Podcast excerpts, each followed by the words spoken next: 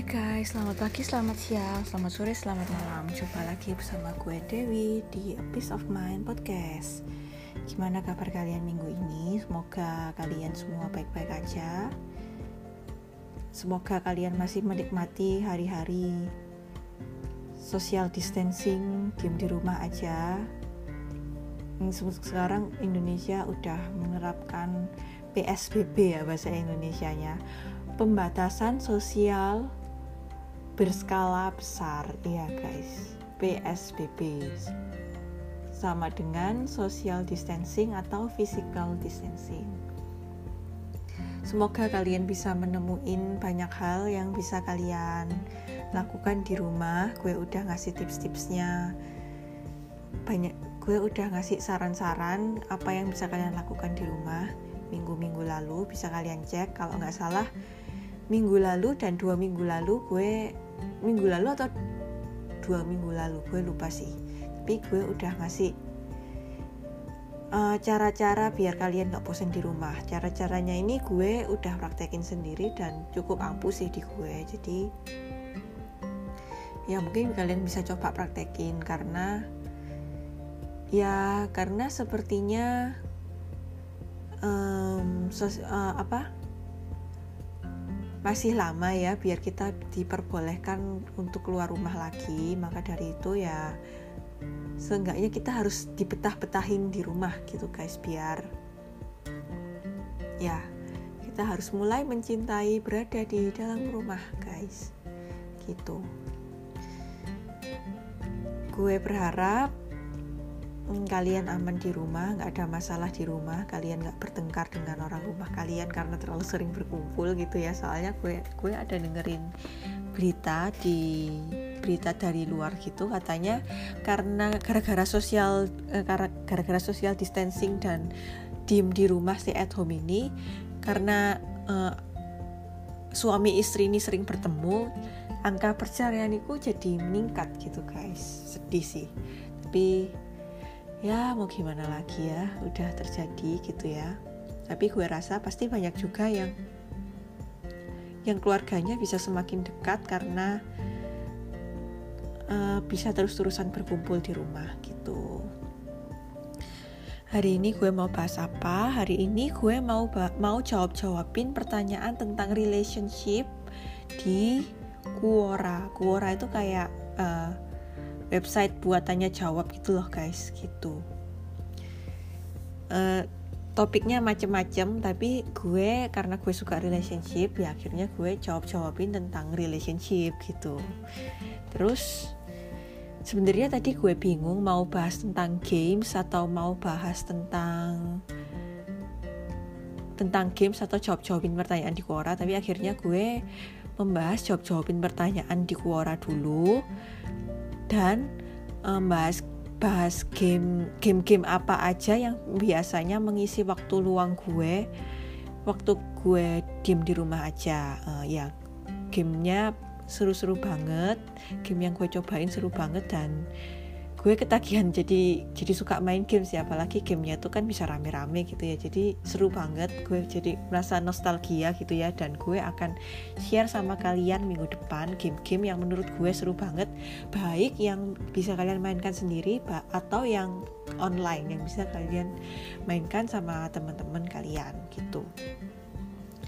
Nah jadi langsung aja ke segmen selanjutnya segmen jawab-jawabin pertanyaan di Quora dan di segmen selanjutnya gue akan nerangin gimana cara menghasilkan uang melalui foto. Ya, gimana cara menjual foto kalian di internet gitu. Biar kalian bisa mendapatkan uang tambahan sesuai dengan janji janji gue dua minggu lalu. Gue sebenarnya mau jawabin minggu lalu tapi gue lupa guys. Gue udah rekaman, terus gue udah publish tapi gue baru sadar kalau gue itu lupa untuk menjawab pertanyaan yang ini gitu guys. Jadi ya ya udah gue tepatin hari ini aja gitu guys.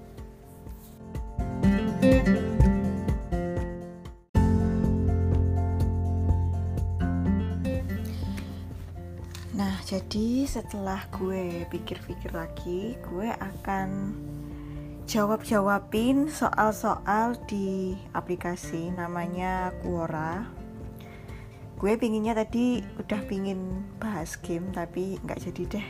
Kayaknya gamenya minggu depan aja. Hari ini gue bahas-bahasin pertanyaan-pertanyaan dari Quora yang berhubungan dengan mungkin yang berhubungan dengan relationship lagi.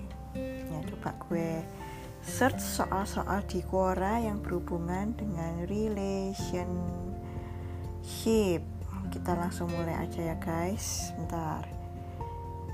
Relationship.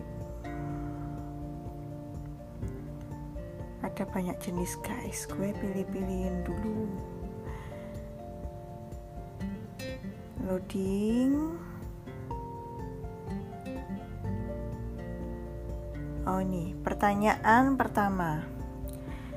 Apakah did I make the wrong decision to break up with my BF? Apakah aku mem membuat keputusan yang salah untuk putus dengan pacarku?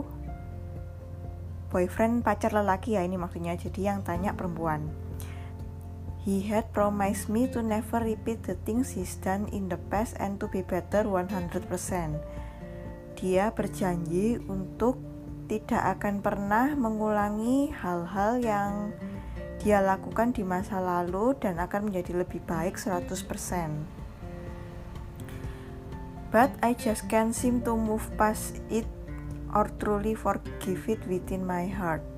Tapi aku tidak akan aku tidak bisa tidak bisa untuk melangkah dari masa lalu dan benar-benar memaafkan dia di hatiku. And our trust is also broken. Dan hmm, kepercayaan kepercayaan kami juga sudah rusak. Ya, pertanyaannya itu, apakah dia melakukan keputusan yang salah?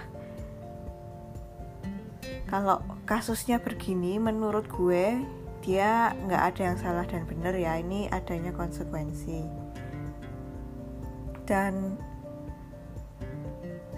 kalau ya nggak nggak salah sih dia mau putus karena dia nggak masih belum bisa memaafkan dia. Misal suatu hari dia memaafkan dia memaafkan mantan pacarnya ini pun untuk sekarang dia nggak bisa memaafkan. Kalau misalnya tetap mempertahankan pun ya tetap nggak jadi. Dia dirinya ini cewek yang tanya ini kemungkinan besar akan terus berpikir dan terus tidak percaya sama cowoknya ini.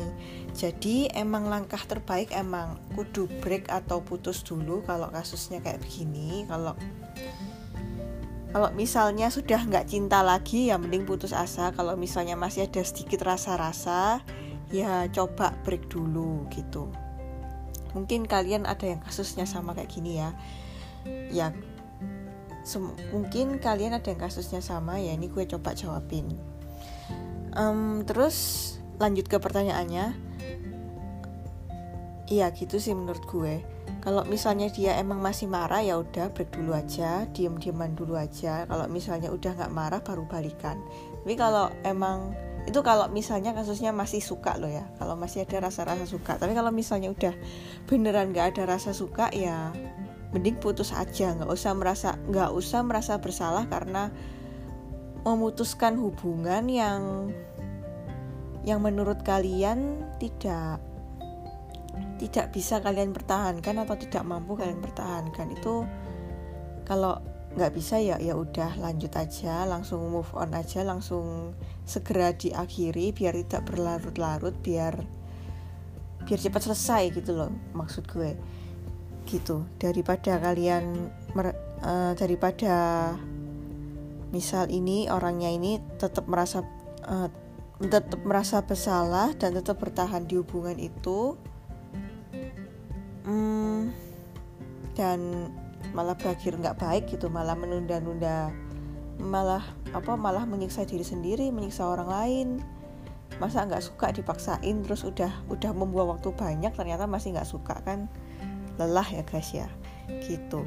Jadi tidak ada yang salah kalau inti dari inti dari jawaban soal ini menurut gue adalah tidak ada yang salah jika kalian memutuskan suatu hubungan kalau misalnya kalian emang udah nggak suka lagi kalau misalnya kalian emang udah nggak bisa memaafkan atau nggak mm, bisa percaya sama pasangan kalian lagi. Ini kasusnya tapi kalau belum menikah ya guys. Kalau udah menikah ya menurut gue nggak bisa diapa-apain. Ya udah harus tetap bertahan apa pun masalahnya gitu. Emang nggak emang betul nggak bisa memaafkan itu bukan sesuatu yang baik. Tapi kalian bisa memaafkan seiring berjalannya waktu. Nggak usah berusaha memaafkan dengan memaksakan kalian masih bertahan dengan hubungan yang kayak gitu. Jadi ya ya mending kalau misalnya emang masih marah dan emang nggak bisa memaafkan ya emang jaga jarak dulu nggak usah ketemu dulu. Mungkin nanti lama-lama akan lupa lama-lama akan bisa memaafkan karena ya time heals gitu ya. Waktu itu sangat membantu gitu. Pertanyaan selanjutnya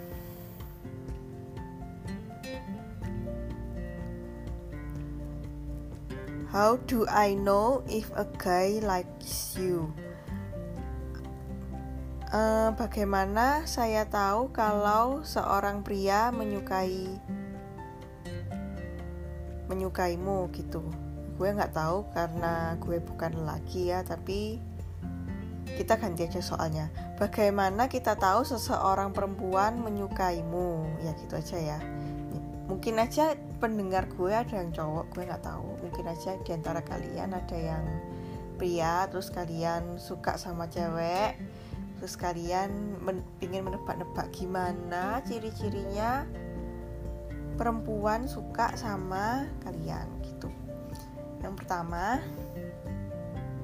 ya perempuan itu ceweknya itu ya suka suka uh, suka ngobrol sama kalian. Terus mencari-cari alasan biar biar bisa uh, menghubungi kalian atau ngobrol sama kalian gitu. Terus uh, kalau diajak pergi mau. Terus um, apa ya? Iya kayaknya yang paling umum itu sih iya yang paling umum tiga itu. Cuma nggak selalu nggak selalu tiga hal ini menunjukkan dia suka sama kali sama pria. Mungkin aja ceweknya ya emang ramah aja. Maksudnya orang ramah kan ya emang suka ngobrol suka sama semua orang baik gitu gue akan mencoba memikirkan ciri-ciri yang lebih mengena ya. Hmm, coba gue pikirkan ciri-ciri wanita yang suka sama pria. Apa tandanya wanita suka sama pria? Um, apa ya guys? Uh, ya. Gue kurang tahu sih sebenarnya. Ya ya mungkin iya sih cari-cari alasan biar biar ceweknya ini ke apa? Biar ceweknya bisa kontak kalian itu kayaknya udah udah menunjukkan menunjukkan kalau cewek ini suka sih. Iya yang paling umum kayaknya itu. Coba gue pikirkan lagi ya mungkin gue bisa menemukan yang lain. Oh ya cewek ini akan selalu berusaha uh, berusaha berusaha berusaha berusaha untuk tahu apa yang kalian sukai. Ya mungkin kayak gitu.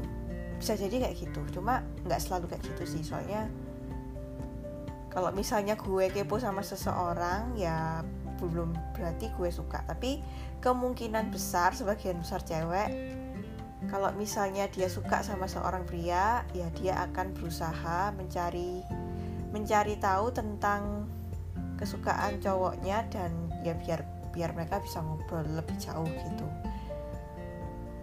Ya mungkin itu aja sih yang bisa gue kasih. Gue nggak nemu yang lain. Mungkin kalau misalnya gue kepikiran gue akan kasih tau kalian gitu.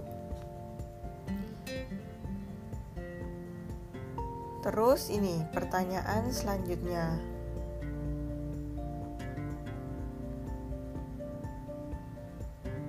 As an independently willed man, can a life of screwing around be as or even more fulfilling than having a devout and loving wife?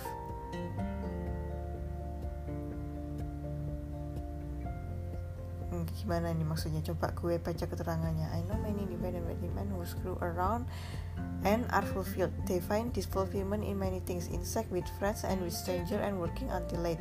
In a quiet hotel room with a crisp white sheet in a long conversation with someone they meet in a restaurant. Oh ini, jadi ceritanya ini seseorang pria kaya can a life of screwing around be. Ya ampun bahasa Inggrisnya kok gue gak paham ya guys. You know the kind I run in. Uh,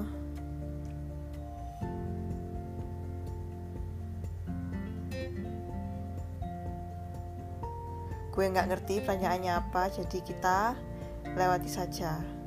Sekarang kita gue cari pertanyaan yang gue ngerti aja. Oke okay, guys. Ya ampun gue podcast gue hari ini sangat gak jelas. Makin lama podcast gue makin gak jelas tapi ya udahlah ya. Gue emang berusaha biar gue emang pingin podcast ini jadi ajang gue belajar biar gue bisa lebih lancar ngomong gitu.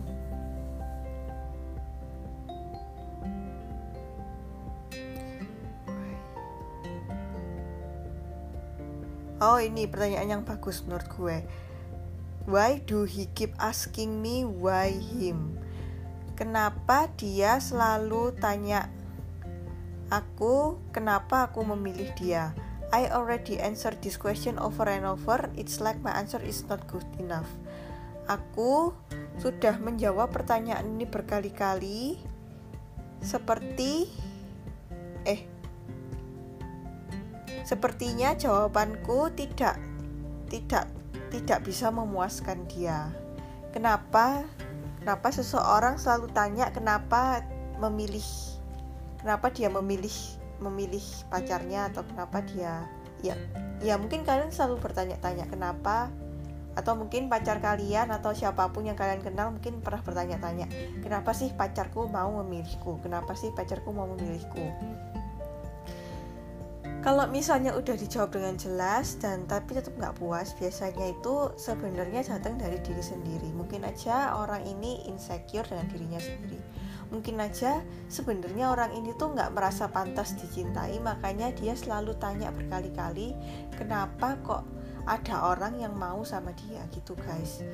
Maka dari itu menurut gue penting banget untuk mencintai diri sendiri dulu sebelum mempunyai seorang pacar ya. Karena kalau enggak ya jadinya kayak gini. Tanya-tanya terus kenapa kok kenapa kok kamu suka aku? Kenapa kok kamu suka aku terus sampai sampai pacarnya bosen tanya gitu terus? Soalnya gue pernah ya pacar gue itu kayak gini terus dan gue gue jadi merasa kurang dipercaya sih. Gue udah jawabin berkali-kali dan hal itu juga jadi menurunkan kadar rasa suka gue sama pacar gue karena gue ditanyain kayak gitu berkali-kali. Gue jadi nggak nggak merasa dipercaya dan jadinya ya malah jadi nggak suka gitu. Awalnya yang ada rasa jadi nggak ada rasa gitu guys. Karena gue jadi merasa tidak dipercaya dan ya gitu. Jadi ya menurut gue itu alasan yang pertama.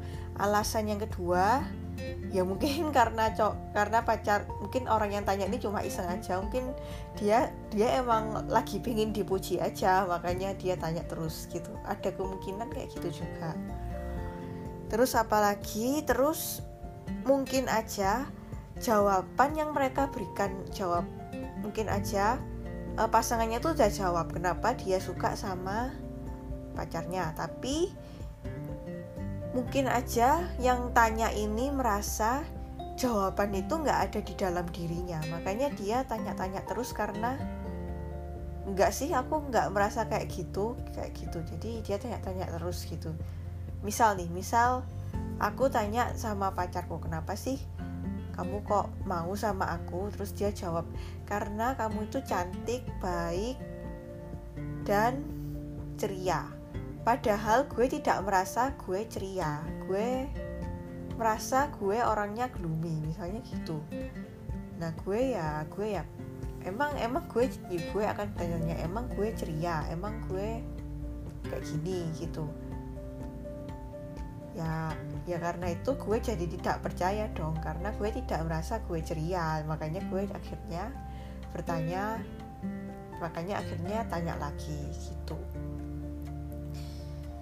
Gimana menurut kalian? Apakah kalian punya punya pengalaman kayak gini? Atau kalian pernah merasakan hal kayak gini? Mungkin kalian bisa share ke gue apalagi alasannya gitu. Soalnya gue taunya ya cuma ini aja sih alasan asalnya alasan alasannya gue cuma kepikiran tiga hari ini gitu. Terus pertanyaannya apalagi next question.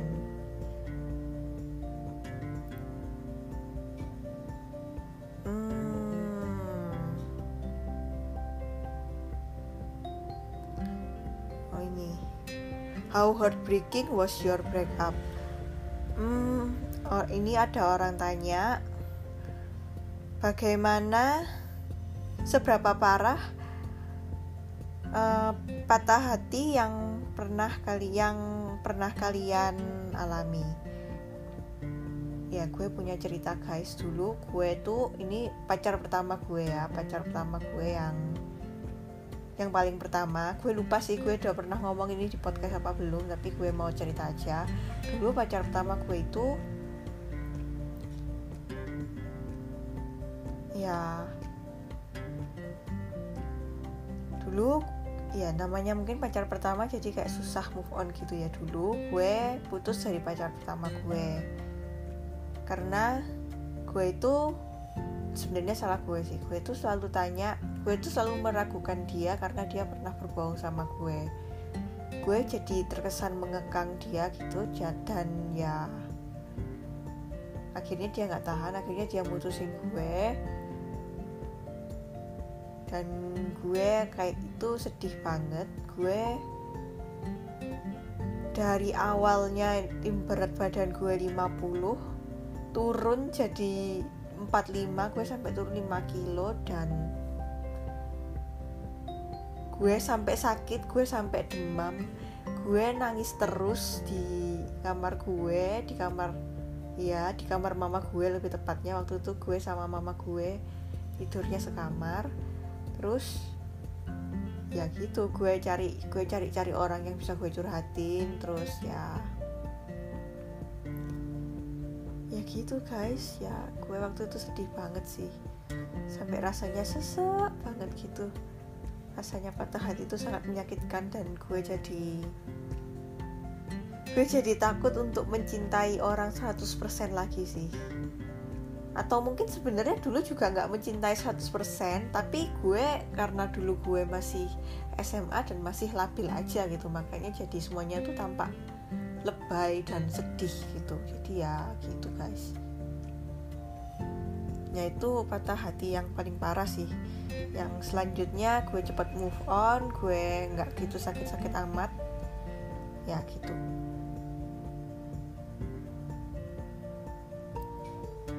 um, how do I confront my boyfriend that hmm, what was the longest time? Nih gue masih cari pertanyaannya sabar ya guys. Hmm. oh ini. Seseorang uh, membuat kamu merasa sedih membuat kamu merasa down seseorang membuatmu merasa merasa mungkin merasa down itu maksudnya ya merasa tidak baik gitu ya seseorang membuatmu merasa tidak baik sang, seseorang membuatmu merasa sangat tidak baik. Is it okay if you stop being their friend? Apakah itu oke okay untuk tidak menjadi temannya lagi? It's not a mistake but a pattern. Itu bukan suatu kesalahan tapi suatu pola. Menurut gue, seseorang teman itu ya harus menghargai temannya. Kalau misalnya temannya nggak suka digituin ya jangan digituin kalau misalnya nah gini sebenarnya kalau misalnya kesalahannya sekali dua kali itu nggak apa-apa soalnya kita semua kita semua orang itu punya punya field field of experience dan cara komunikasi dan hal-hal yang membuat kita tersinggung itu semuanya beda-beda. Contohnya gue. Gue kalau misalnya akrab sama temen gue itu gue itu kayak suka nepuk-nepuk punggungnya gitu loh. Jadi kayak mukul-mukul gitu. Terus ada temen misal ada temen gue yang nggak suka kayak gitu. Kalau misalnya dipukul-pukul tuh merasa nggak nyaman merasa kayak tidak dihargai. Nah itu kalau misal ya itu kalau misalnya pertama kali ya nggak apa-apa. Maksudnya kan soalnya gue nggak ngerti kalau dia itu nggak ternyata nggak suka ditepuk-tepuk punggungnya. Mungkin temannya mungkin teman gue bisa menyampaikan ke gue dia kalau dia itu tidak suka ditepuk-tepuk punggungnya biar gue itu bisa belajar dan nggak nepuk-nepuk punggungnya lagi. Tapi kalau misalnya setelah dia bilang gitu gue tetap nepuk-nepuk punggungnya itu berarti gue itu antara gue tapi gue biasanya lupa sih. Gue gue kalau orang ngomong gitu gue cep gue dan kalau misalnya gue nggak perhatian penuh gue itu bisa lupa dan gue bisa mengulangi hal yang sama lagi. Apalagi gue nepuk nepuk punggung teman gue itu kayak kebiasaan gitu loh guys. Jadi ya gitu. Tapi kalau misalnya temen udah dibilang kayak gitu tapi malah disengaja nah itu dan itu itu udah udah ke tahap kayak udah merasa nggak nyaman ya ya kalian nggak berteman lagi juga nggak apa-apa gitu.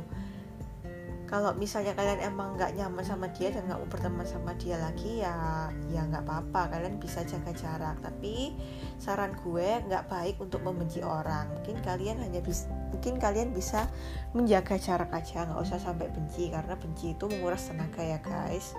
Jadi ya jaga jarak aja biar biar teman kalian itu nggak terus-terusan menyakiti hati kalian biar kalian tuh bisa beristirahat gitu. Jadi ya jawabannya ya nggak apa-apa nggak apa-apa kalau misalnya kalian nggak mau nggak mau apa nggak mau deket-deket sama teman kalian lagi itu nggak apa-apa banget. Kalian juga ya kalau itu kalau misalnya hati kalian sakit banget ya tapi kalau misalnya ceritanya kalian udah berteman lama banget terus udah jadi sahabat karib gitu terus misalnya kalian bertengkar dan kalian merasa tidak nyaman nah itu mungkin sebaiknya kalian coba dibicarakan. Mungkin kalian bisa jadi baik baik lagi gitu. Jadi menurut gue ya ya nggak apa-apa. Misal kalian mau menjaga jarak sama teman kalian itu nggak apa-apa banget karena kalian ya kalian juga punya punya sesuatu nilai-nilai yang yang ingin kalian pegang dan kalian juga ingin merasa dihargai. Cuma cuma ya jangan kelewat batas jangan maksudnya teman kalian salah dikit langsung kalian menjauhi terus kalian ceramai atau ya kalau misalnya salah dikit terus kalian menjauhi ya lama-lama jadi nggak punya teman guys. Kadang-kadang kita juga harus introspeksi diri apakah standar yang kita punya untuk mencari teman itu emang ketinggian mungkin aja bisa jadi gitu. Ya mungkin jadi karena menurut gue teman itu kayak mungkin harus sam ada saling toleransinya gitu harus saling bertoleransi dalam suatu sampai dalam suatu tahap gitu. Tapi ya tetap harus respect juga harus toleransi harus mengerti harus respect gitu. Jadi ya hmm, ya gitu sih guys. Jadi yang misalnya kalian jadi ya ya nggak apa-apa banget kalau misalnya kalian sedikit menjaga jarak dengan teman kalian yang membuat kalian merasa tidak nyaman gitu.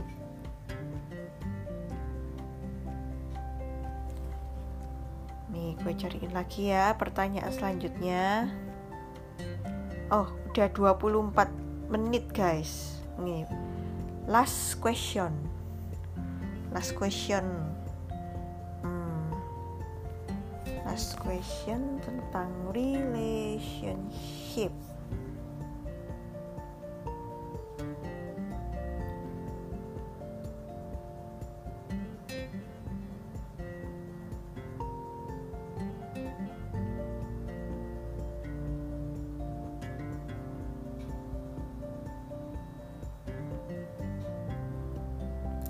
Oh ini pertanyaan bagus. Apakah LDR itu akan berhasil bagaimana cara membuat itu lebih beras bisa gimana cara biar long distance relationship pacaran jarak jauh itu bisa berhasil. Menurut gue pacaran jarak jauh itu ada positif ada negatifnya. Positifnya itu kalau misalnya kalian bisa melewatinya maka kalian itu akan mempunyai hubungan yang sangat kuat. Jadi meskipun terpisah oleh jarak kalian itu bisa bisa tetap percaya sama pasangan kalian masing-masing. Karena ya ya karena udah kalian udah berhasil melalui itu. Jadi kalian bisa saling percaya satu sama lain meskipun jarak memisahkan. Dan kalau misalnya kalian pacaran jarak jauh rasanya kalau pas ketemu itu pasti rasanya seneng banget dan kalian akan lebih menghargai saat-saat bersama yang kalian rasakan gitu. Kalau misalnya apa nggak pacaran jarak jauh kan kayak kita bisa ketemu kapan aja. Nah itu ya gimana ya? Kalau misalnya kita bisa bertemu kapan aja itu kadang-kadang kita akan merasa kurang menghargai waktu bersama itu. Jadi makanya kita tuh kalau kalau ketemu biasanya ya HP-an sendiri main HP sendiri chatting sama temen padahal di sebelah kita tuh ada pacaran ada pacar kita gitu kan nggak enak ya nggak baik juga gitu. Jadi ya ya emang ada plus minusnya sih. Dan kalau misalnya pacaran jarak jauh kan selalu ada hal baru yang akan kalian ceritakan kalau misalnya ketemu gitu kan guys. Kalau misalnya ketemu kalau misalnya apa nggak pacaran jarak jauh kan uh, kalian bisa ketemu aja kalian bisa ketemu kapan aja kalian bisa sering-sering ketemu. Ya jadi makin sedikit gitu yang dibicarakan dan hype-nya itu jadi kurang kalau pas ketemu gitu guys. Yaitu plus minusnya. Terus gimana cara agar long distance relationship itu berhasil caranya ya saling percaya aja saling komunikasi adalah hal yang paling penting. Komunikasi dan rasa percaya itu adalah hal yang paling penting dalam long distance relationship gitu guys. Jadi ya ya itu. Ya itu sih. Jadi ya kalian sering-sering ngabari saling-saling menguatkan saling saling saling sa memberikan rasa percaya biar ya pacar kalian masing-masing percaya gitu ya. Tapi bukan berarti long distance relationship ini 100% bagus bukan berarti short distance relationship uh, bukan berarti nggak pacaran jarak jauh itu juga nggak bagus tapi semua ada positif negatifnya. Ada yang bisa long distance ada yang yang nggak bisa gitu. Jadi ya ini benar-benar tergantung orangnya sih bener-bener tergantung orangnya. Ada yang nggak kalau misalnya kalian nggak bisa long distance relationship juga nggak apa-apa bukan berarti kalian nggak setia. Bukan kalian hmm, bukan berarti kalian terlalu cilingi itu juga enggak cuma ya mungkin emang kalian nggak bisa aja long distance relationship. Ya itu ya nggak apa-apa banget. Bukan berarti kalau yang nggak long distance relationship dan anti sama long distance relationship itu nafsuan lah atau nggak bisa menjaga kepercayaan lah atau ya gitu gitulah guys. Jadi ya tergantung bener-bener tergantung sama orangnya guys. Gitu.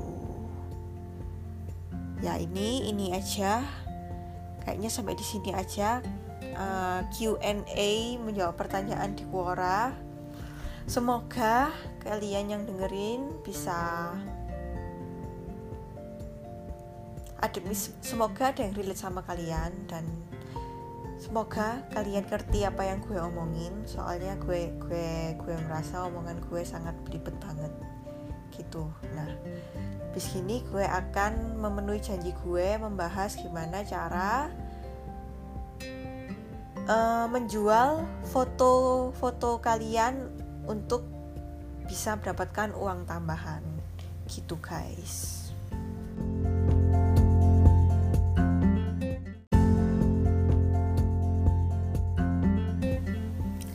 sesuai dengan janji gue, gue akan mengajari kalian cara biar foto-foto kalian itu bisa menghasilkan uang. Ini gue menemukan suatu website, uh, websitenya adalah submit.shutterstock.com s u b m i t titik s h u t t e r s t o c k com nah di sini ini tempat tempat orang-orang menjual uh, website tempat orang menjual foto stok foto yang ya stok foto mereka gitu. Pertama ya pertama klik. Nanti kalau misalnya kalian buka gitu kalian akan ada tombol tulisannya get started. Nah itu diklik tombol warna orange ya kalau nggak salah. Orange atau merah. Ya orange kemerahan ya gitu. Nah terus um, itu di situ pertama kalian akan disuruh mengisi nama lengkap kalian. Terus ada display name kalian. Display name itu bisa berbeda dari nama kalian gitu. Terus disuruh isi email dan disuruh isi password. Nah, gue praktekin ya selangkah demi selangkah meskipun kalian tidak bisa melihat gue tapi ya gitu. Semoga penjelasanku biar ini cuma biar gue lebih gampang jelasin sih. Nah, ini gue udah memilih, sekarang gue masukin email address. Hmm masukin email address. Masukin password. Habis masukin password harus ada passwordnya harus ada huruf besar dan angka ya guys. Minimal 8 huruf. Terus ada di ada persetujuan kalau kalian itu harus di atas umur 18 tahun itu dicentang lalu next klik next. Nah udah oke. Okay. kalian bisa cek email kalian buat verifikasi alamat email. Ya kalian cek email kalian yang kalian gunakan. Harus email yang aktif ya guys. Jangan email yang tidak aktif biar bisa diverifikasi karena ini langkah yang penting gitu. Kita coba buka. Wah belum belum apa belum nah ini. Nih nah ini waktu kalian mau verifikasi ada link yang akan kalian link yang bisa ada link di email kalian. Kalian akan dikirimi sebuah tautan link buat kembali ke ke apa? Ke website tadi Shutterstock tadi. Nanti akan ada tulisan thanks your email has been verified. Berarti email kalian udah terverifikasi gitu ya. Setelah itu kalian pencet next. Ya ini ada ini kalian harus mengisi tempat tinggal kalian kalian kan tinggal di Indonesia ya diisi aja di Indonesia kalian suruh isi Indonesia uh, apa negara, terus alamat dan nomor handphone kalian. Udah kan, next. Bentar, ada masalah.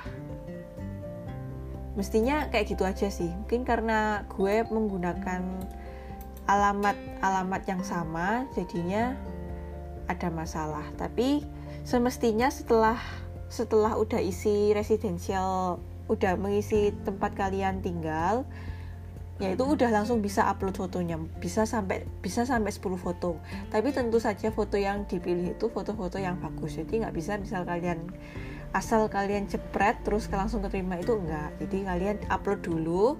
Nanti akan ada orang-orang yang di sana itu akan menyeleksi mana saja foto yang pantas untuk dibayar dan kalian bisa mendapatkan uang dari foto tersebut. Gitu guys. Jadi nggak boleh asal upload sembarang foto gitu ya. Nggak boleh. Nggak boleh apa? Nggak boleh asal-asalan foto biar bisa dapat uang. Harus foto yang bagus guys. Gitu. Tapi kan HP-HP sekarang kameranya udah bagus-bagus ya. Jadi jangan putus asa mungkin aja kalian bisa menghasilkan uang cuma dari kamera HP kalian gitu guys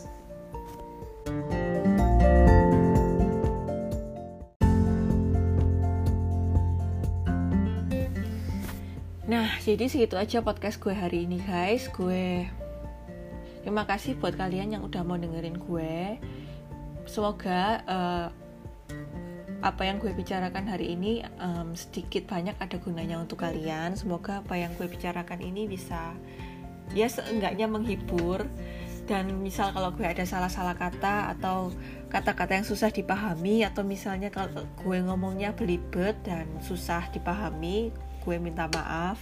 Gue membuat podcast ini dalam rangka belajar ngomong guys. Jadi ya kalau misalnya gue ngomongnya nggak jelas tolong dipahami. Gue masih belajar gitu. Dan gue berharap gue bisa ke depannya gue bisa ngomong dengan lebih lancar lagi gitu guys.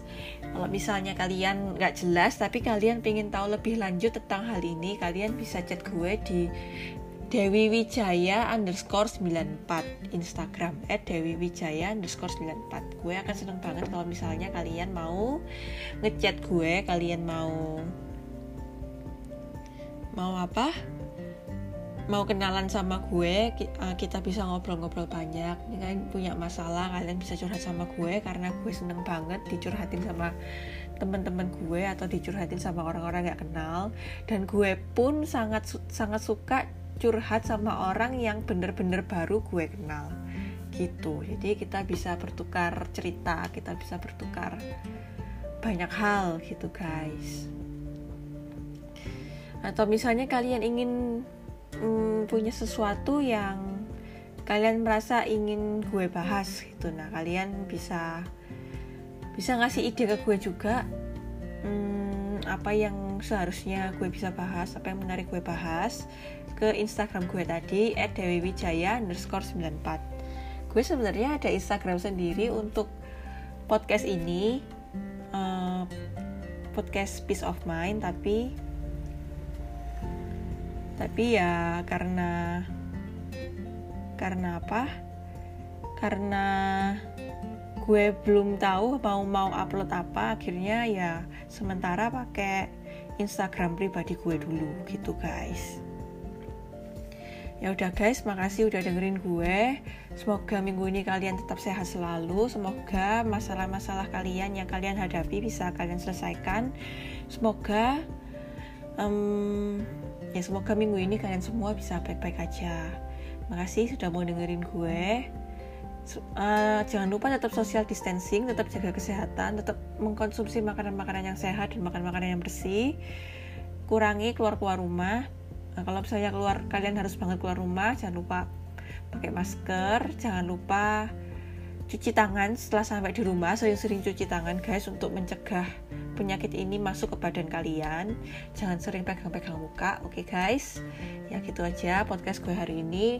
Selamat pagi, selamat siang, selamat sore, selamat malam. Dadah.